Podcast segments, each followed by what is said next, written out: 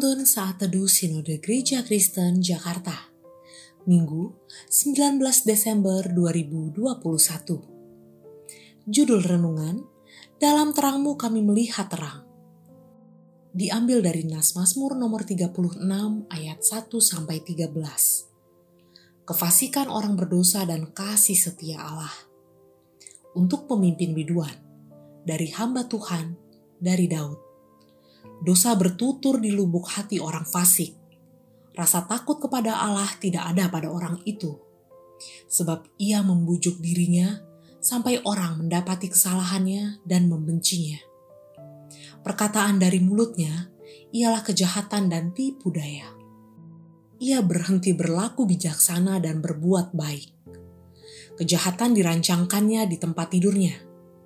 Ia menempatkan dirinya di jalan yang tidak baik apa yang jahat tidak ditolaknya. Ya Tuhan, kasihmu sampai ke langit, setiamu sampai ke awan. Keadilanmu adalah seperti gunung-gunung Allah. Hukummu bagaikan samudera raya yang hebat. Manusia dan hewan kau selamatkan ya Tuhan. Betapa berharganya kasih setiamu ya Allah. Anak-anak manusia berlindung dalam naungan sayapmu mereka mengenyangkan dirinya dengan lemak di rumahmu. Engkau memberi mereka minum dari sungai kesenanganmu, sebab padamu ada sumber hayat. Di dalam terangmu kami melihat terang. Lanjutkanlah kasih setiamu bagi orang yang mengenal engkau, dan keadilanmu bagi orang yang tulus hati. Janganlah kiranya kaki orang-orang congkak menginjak aku, dan tangan orang fasik mengusir aku Lihat, orang-orang yang melakukan kejahatan itu jatuh. Mereka dibanting dan tidak dapat bangun lagi. Banyak orang terjebak dalam gaya hidup hedonisme. Mereka menghabiskan uang untuk membeli barang yang mahal, makanan yang mewah, serta gaya hidup yang glamor. Tujuannya untuk memuaskan keinginan diri sendiri dan dipuji oleh orang lain. Namun, mereka tidak menyadari bahwa uang yang dihamburkan akan menyebabkan kemiskinan di masa depan. Hal yang kelihatan menyenangkan di awal bisa berujung pada kesedihan. Demikian juga dengan dosa. Dosa pada awalnya terlihat menyenangkan, namun pada akhirnya membinasakan. Siapakah yang dipertuan oleh orang fasik?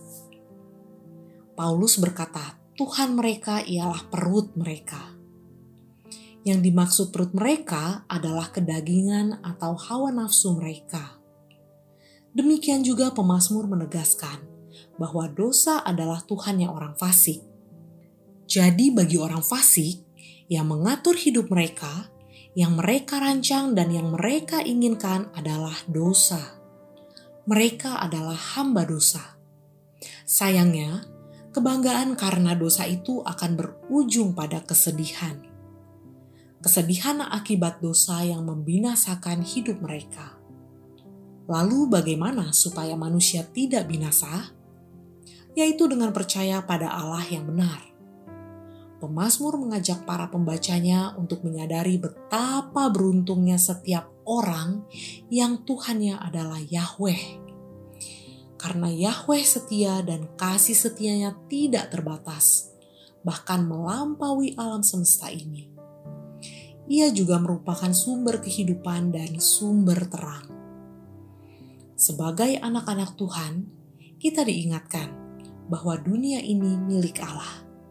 Manusia tidak boleh bertindak dengan sembarangan. Hidup kita ada di tangan Allah oleh karena itu, kita harus bergantung mutlak kepadanya dan kita akan hidup. Jangan sekali-kali berpaling ke Allah lain, karena Allah kita adalah Allah yang cemburu. Kelak kita harus mempertanggungjawabkan segala perbuatan kita.